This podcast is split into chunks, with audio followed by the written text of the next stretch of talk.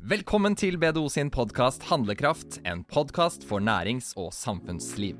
Du vil lytte spennende og aktuelle tema knytta til bærekraft, og møte kunnskapsrike og engasjerte gjester som vi håper du vil lære noe av. Tips og triks om bærekraft det får du også. Jeg heter Gro og jobber med bærekraft internt i BDO, og hjelper kundene med bærekraftig forretningsutvikling. Og jeg heter Terje, jobber som revisor og rådgir virksomheter med bærekraft og bærekraftsrapportering. I dag er temaet bærekraftig arbeidsliv, og dere skal få lov til å møte en veldig spennende gjest, Jan Høeg. Kan ikke du begynne med å fortelle litt om deg sjøl og engasjementet ditt eh, rundt bærekraft? Det kan jeg godt gjøre. Eh, jeg pleier å begynne med å si at jeg bidrar til mangfold i bærekraftsarbeidet. Jeg er en mann 60, og det er ikke så mange av i denne bransjen. Eh, Jeg har jobbet som konsulent i mange år eh, med mye forskjellig, og så har jeg vært byråkrat før det. Mhm. Eh, Men i denne sammenhengen så er jeg her fordi at jeg leder det konseptet som vi kaller bærekraftig arbeidsliv, hvor vi har samlet de tjenestene vi gjør som omfatter det. Jeg blir litt spent på Du sier du er 60 år. Jeg er sikker på at fokus på bærekraft har ikke vært der i alle disse årene. Eh, Når er det du liksom ble interessert i temaet? Det vil komme sånn gradvis, men, men jeg må vel innrømme at, at, eh, at engasjementet er nok likevel enda sterkere blant de yngre. Mm. Eh, det har nok noe å gjøre med at eh, vi som er litt eldre, kanskje henger litt etter i virksomhetsforståelsen vår. Mm. Det er litt tungt å ta inn over seg hva som skjer. Mm. Tror du det er i endring?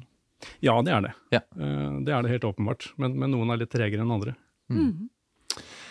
Dagens episode handler jo om eh, bærekraftig arbeidsliv. Eh, litt sånn eh, Ja, utydelig kanskje for meg hva det egentlig er. Mm. Eh, kan ikke du begynne å si litt mer om det? Jo, altså, det høres jo litt sånn traurig ut, men, men helt enkelt så pleier jeg å si at bærekraftig arbeidsliv dreier seg om å behandle folk skikkelig. Mm. Uh, altså både dine egne folk og de du har rundt deg på jobben, uh, men også de som jobber hos leverandørene dine, samarbeidspartnere uh, osv. Mm. Uh, ja, så det er egentlig det det, det, det dreier seg om. Eh, og det dreier seg selvfølgelig om å følge lover og forskrifter. Mm. Eh, men like viktig for mange, og kanskje for flere, eh, så dreier det seg om å ha det godt med seg selv. Mm. Og vite at den virksomheten du driver med, den har folk det godt i. Hvorfor har det blitt så mye fokus på dette nå? Har det blitt noen strengere regler knyttet til dette? Eller øh, er folk bare mer opptatt av det? Eller hvorfor tenker du at uh, dette er et viktig tema å ha med inn i en podkast? Ja, det er det dere som har tenkt, da. Men jeg er jo glad for at dere tenkte det. Ja. uh, jeg tror, jeg tror uh, eh, det, er, det er en kombinasjon. Eh, heldigvis er det sånn hos oss i hvert fall, at lover og regler sånn noenlunde følger befolkningens ønsker. Eh, og det er nok litt sånn et økende sug. Eh, så det er helt klart at, at det, er, det er økende forventning eh, blant folk, eh, men det er også økende lovkrav. Mm. Eh, senest nå åpenhetsloven, som vi sikkert skal komme tilbake til, tenker jeg, men den er det mange som er spent på om dagen. Mm. Du nevner åpenhetsloven, og du sa innledningsvis at eh, bærekraftig arbeidsliv, det var mange tjenester. Mm. Kan du si litt mer om det? Jo, eh, de vi har, da, eh, som ikke nødvendigvis kommer sikkert til å komme på flere ting. Altså, vi merker jo etter hvert at nesten alt vi gjør har en eller annen bærekraftsdimensjon. Mhm. Eh, og etter hvert så kommer, nok, kommer vi nok til å slutte om bærekraft. Slutte å snakke om bærekraft. Mm. Det blir en integrert del i alt vi Ja. driver med. Mm. Ja. Men foreløpig eh, så har vi tenkt at vi jobber med kontroll av lønns- og arbeidsvilkår. At folk ansatte har det lovlig først og fremst, men også ordentlig. Mhm. Eh, Vi jobber med likestilling, med mangfold og inkludering i alle dimensjoner. og Da er det kjønn, religion, etnisitet osv. Mm. Eh, og så jobber vi med forebygging av barnearbeid, eh, slaveri, hvitvasking, antikorrupsjon. eh, Den typen ting. Og vi driver også varslingskanaler hvor ansatte hos eh, virksomheter kan gi beskjed på en trygg måte hvis det er noe de mener ikke er i orden på arbeidsplassen. Mhm. Så det favner veldig mye. Det gjør det. Ja. Men hva er status i dag, da?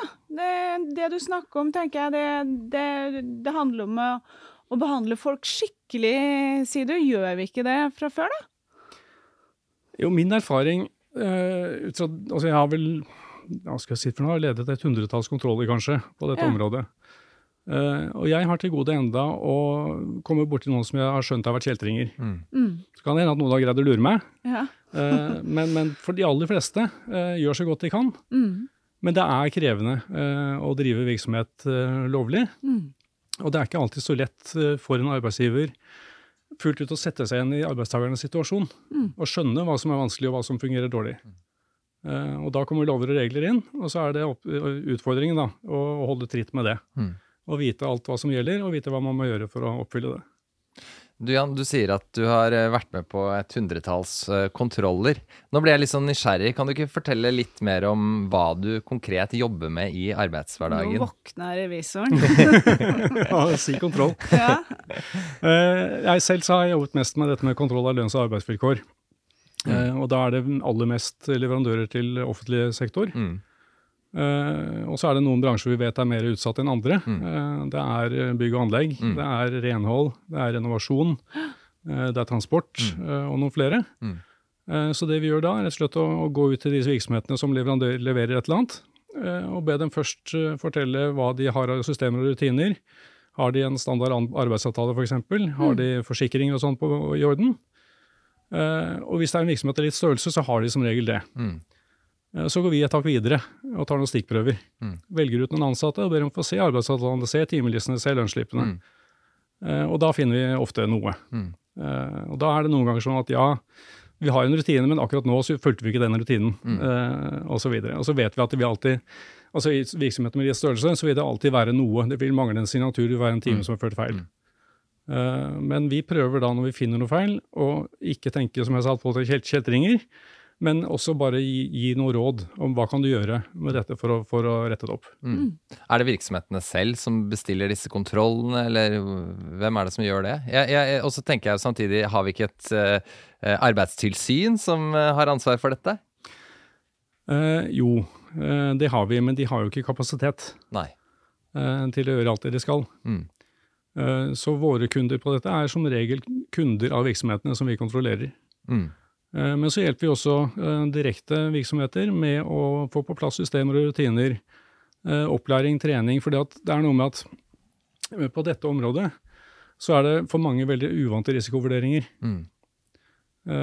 Veldig mye av det vi ser på er prosjektarbeid, Mm. byggeprosjekter, sånne ting. Prosjektfolk er supertrent i å se til tid, kost og kvalitet. Mm.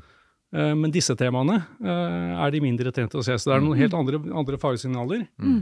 Eh, Og det er også sånn at, at eh, hvis du finner noe feil, Mm. så ender det ofte i en dyrere regning. Mm. Og det er ikke så lystbetont. Nei. Du sier risikoer. Eh, hvilke risikoer er det det er Altså hvilke risikoer knytter seg til å ikke ha kontroll på dette? Og hva kan det medføre? Eh, hvis du blir avslørt, så kan det først og fremst medføre kanskje tap av omdømme. Mm. Og det er kanskje det viktigste. Du kan få bøter osv., Mm. men og det kan svi, det. Mm. Eh, men det viktigste er nok tap av omdømme. Mm. Eh, og da går det på, på å tape kunder, Mm. eh, men også tape ansatte. Mm. Altså Flinke ansatte slutter, og du får ikke rekruttert eh, de flinke som de var fatt i. Mm. Eh, jeg har flere kolleger her i BDO som sier at hvis ikke BDO hadde satset på bærekraft, så ville vi ikke jobbet her. Mm. Som er et veldig sånn, tydelig eksempel, og sånn tror jeg det er mange steder. Mm. Veldig godt eksempel. Men det her med bærekraftig arbeidsliv, da. Hva er det det skal bidra til? det var vanskelig.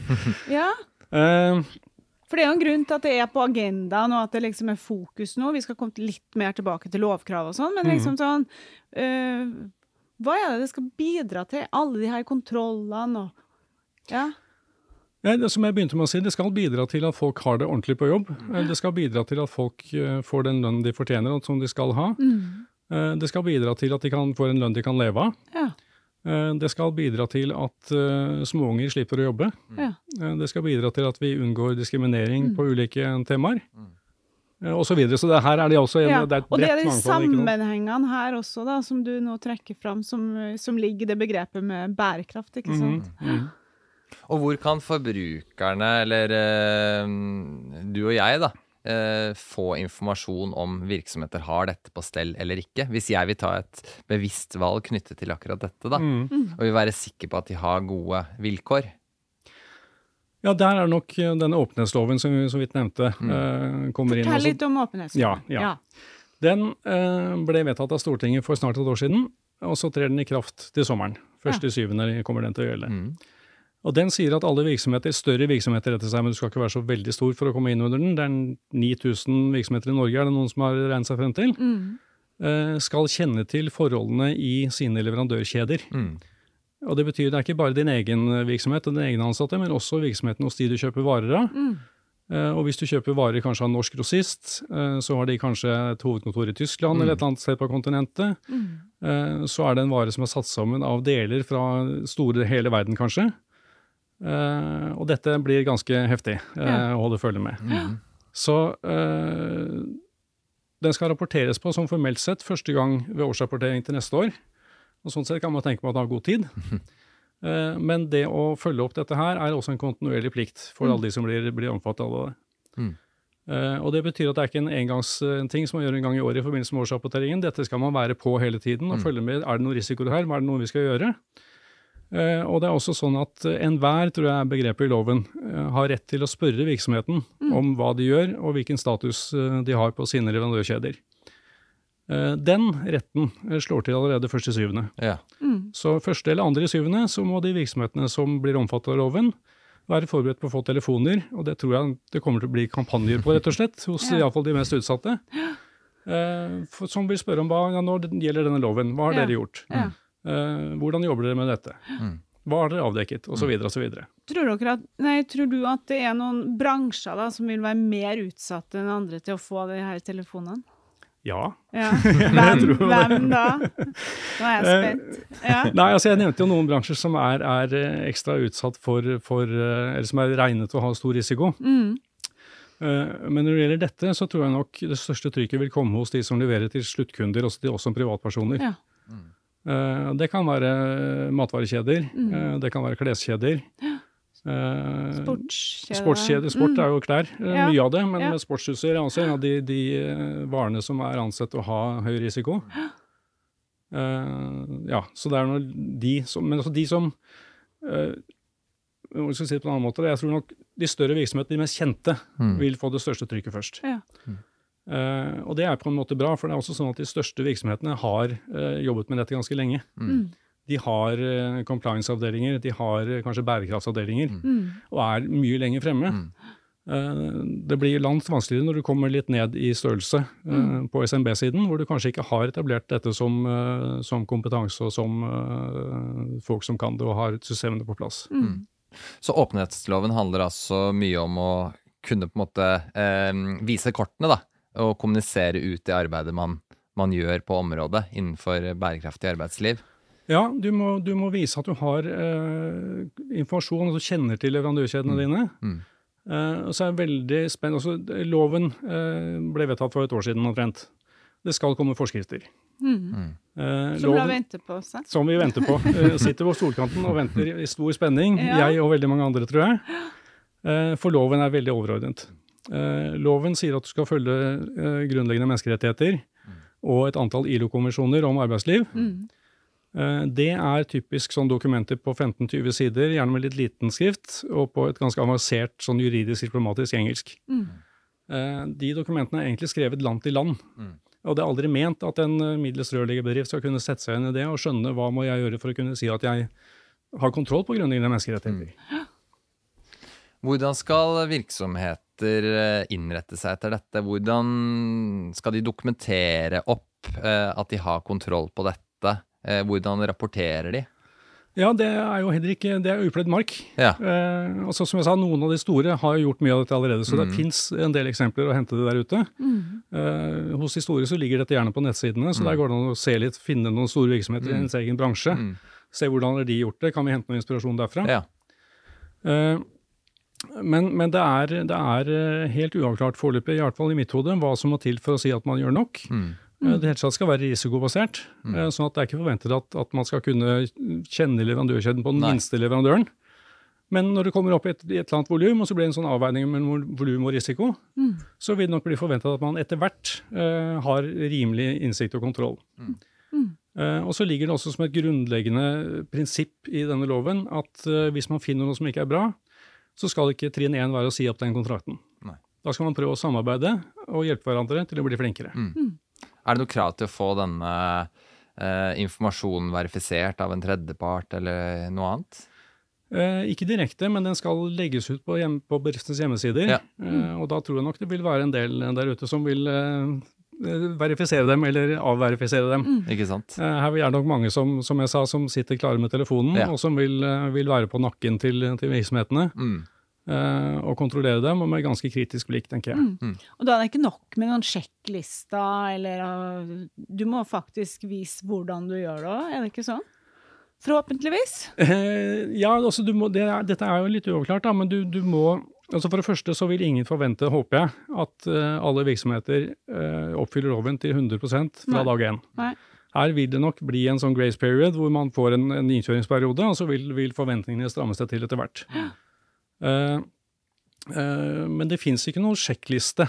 Eh, det er litt der vi venter på disse forskriftene, som Ja. kanskje vil hjelpe oss i å lage noen sånne sjekklister for å si Ja. hva er godt nok.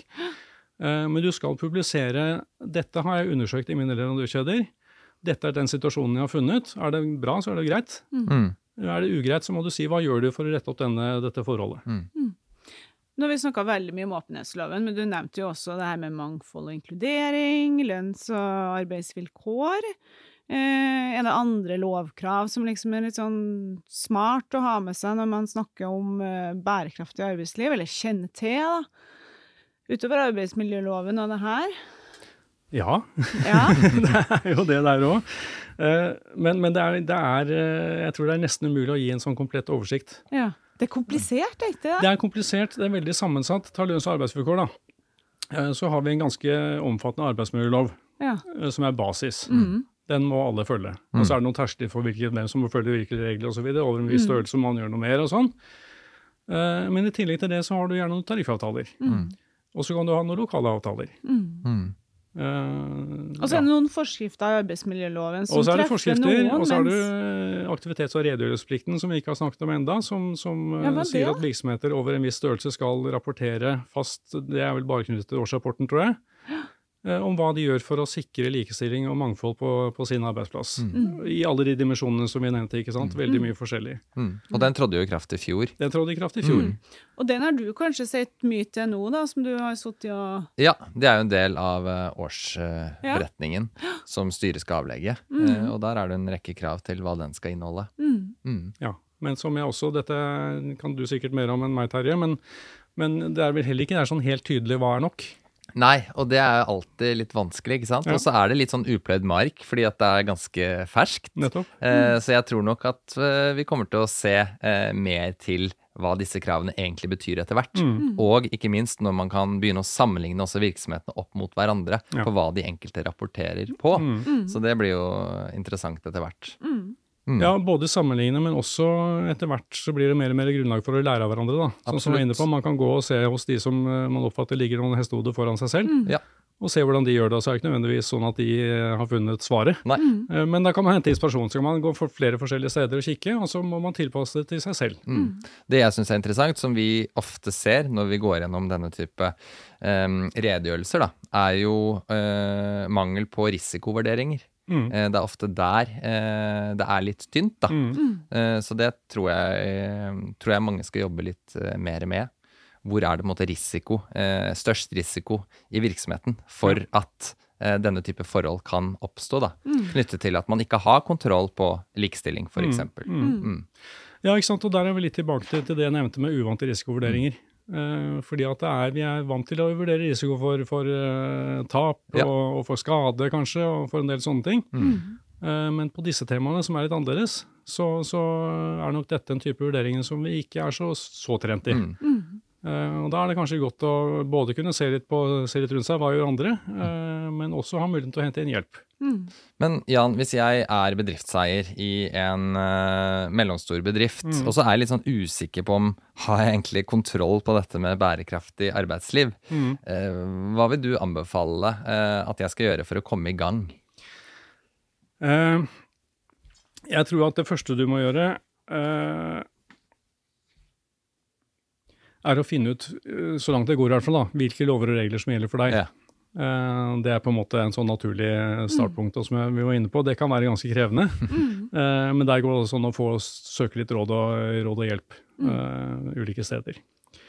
Uh, og så tror jeg det er viktig i den sammenheng også å være klar over at uh, selv om en lov uh, f.eks. ikke i utgangspunktet gjelder deg, Mm. eh, som jeg nevnte, åpenhetsloven gjelder for større virksomheter, Eh, Men hvis du leverer til en virksomhet som er omfattet av åpenhetsloven, så vil det fort slå inn på deg også, for Mm. da vil den virksomheten komme til deg, liksom, følge sin leverandørkjede, Mm. og spørre ja, hva gjør du da? Eh, Hvordan står det til med menneskerettighetene hos deg og i din leverandørkjede? Mm. Og så må du snu deg videre, hvis du ikke er, er liksom sluttpunktet Mm. i leverandørkjeden, som de færreste av oss er, eh, og spørre din leverandør og din leverandør.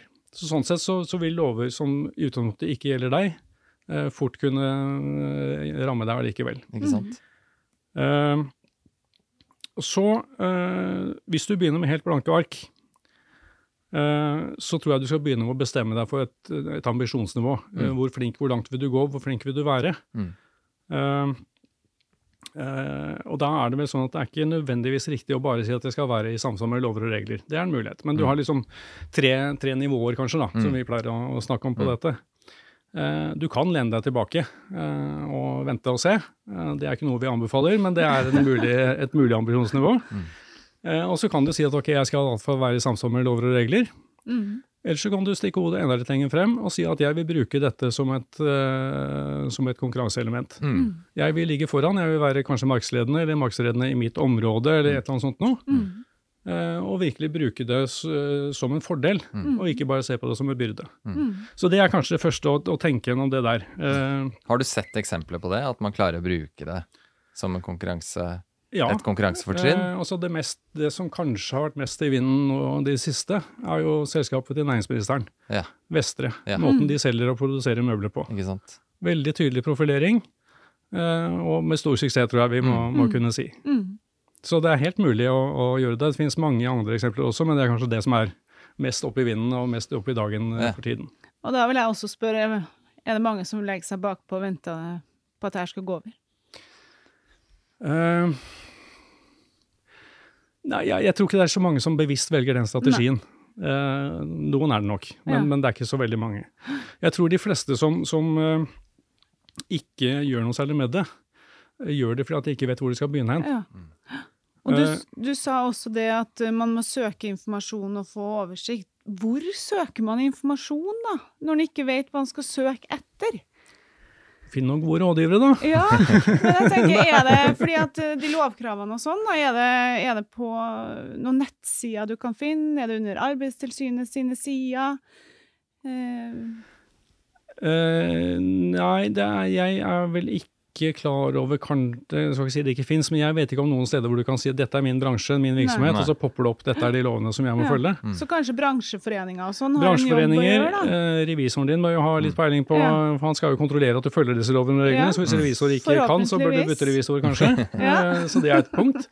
Eh, og så finnes det jo en del rådgivere der ute, da. Eh, med eller uten tilknytning til revisjonsmiljøer. Ja. Eh, jeg kommer jo fra rådgivningsdelen av BDO. Mm. Eh, og har stor nytte og glede av å jobbe sammen med våre revisorer. Ja. eh, Og som går begge veier. Og advokater. selvfølgelig. Ja. Mm. Så dere vil få mye å gjøre fremover? Eh, ja, vi tror det. Ja. Eh, men men altså, vi har vært spent lenge på åpenhetsloven da, Mm. eh, og tenkt at her det, er det mange som har behov. Vi har ikke merket det helt store trykket enda. Det vi hører så langt er at det er veldig mange som er litt sånn i stuss og lurer på hva de skal gjøre. Mm. Og om den treffer. Nei, det, ja, det, ja, altså om den treffer dem i første omgang, eh, Mm. vet jeg nok, for der er det ganske klare krav til hvor stor balanse du skal ha, hvor mange ansatte osv. Men om de treffer dem i andre omgang, altså at de har noen kunder som vil kreve dette av dem, den er jo mer uavklart. Og det er det kanskje ikke alle som har tenkt på. Nei, det er det kanskje ikke som alle som har tenkt på. Nei. De vil oppdage det. men, men, eh, men jeg tror nok akkurat på åpenhetsloven så er det nok mye fordi at vi, vi sitter og venter på disse forskriftene. Fordi det blir litt sånn skudd i tåka uh, uten å vite noe liksom, om rekkevidden av dette her. Uh, Så, så det er mange spent på. Men vi vet nok til, til å, å, å si at uh, dette og dette og dette eh, må du gjøre. Mm. Eh, Du må fastsette en eller annen policy. Altså rett og slett skrive et policy-dokument som også skal ut på nettsidene, om hvordan du vil forholde deg til åpenhetsloven. Mm. Eh, Du må utpeke en person i toppledelsen av virksomheten som skal ha ansvar for dette her. Mm. For det er også en side av dette, at Vi snakket om at, at eh, det er uvante risikovurderinger osv. Det kan tyte ut til høyere kostnader hvis du finner noen ting. Eh, Det er sånne ting som gjør at, at eh, for mange så er nok ikke dette veldig lystbetont. Eh, Du har sånne som oss kanskje, som syns dette er, er viktig i seg selv, men for mange så vil det ikke være så lystbetont. For en prosjektleder som sitter med et byggeprosjekt og sliter med å holde tid, kost og kvalitet, å ta dette på toppen mm. kan være tungt. Så for å få det til å fungere, eh, så tror nok vi at, at fra ledelsen så må man sette noen veldig klar, klare krav, og så må man kreve at det rapporteres på det. Mm. Det er den eneste måten å, å få dette igjennom. Og så er ting alltid vanskeligst første gang man skal gjøre noen ting. Mm. Så når man har fått gjort det et par ganger, eh, så begynner det å gli litt mer av seg selv, og så vil det ikke virke så voldsomt og vanskelig for folk lenger. Og så kan det jo være sånn at det kan være verdt å investere i det, da, sånn at man også blir mer attraktiv i, i markedet, eller ja. Ja, det er også en, en, eh, en viktig innsikt tror jeg, på dette området. Altså, Du nevnte det vel, dette går ikke over. Mm. Eh, dette er ikke noe som man kan liksom sitte stille og håpe at, uh, at gir seg. Mm. Dette blir bare mer og mer sterkere og sterkere krav på dette. Mm.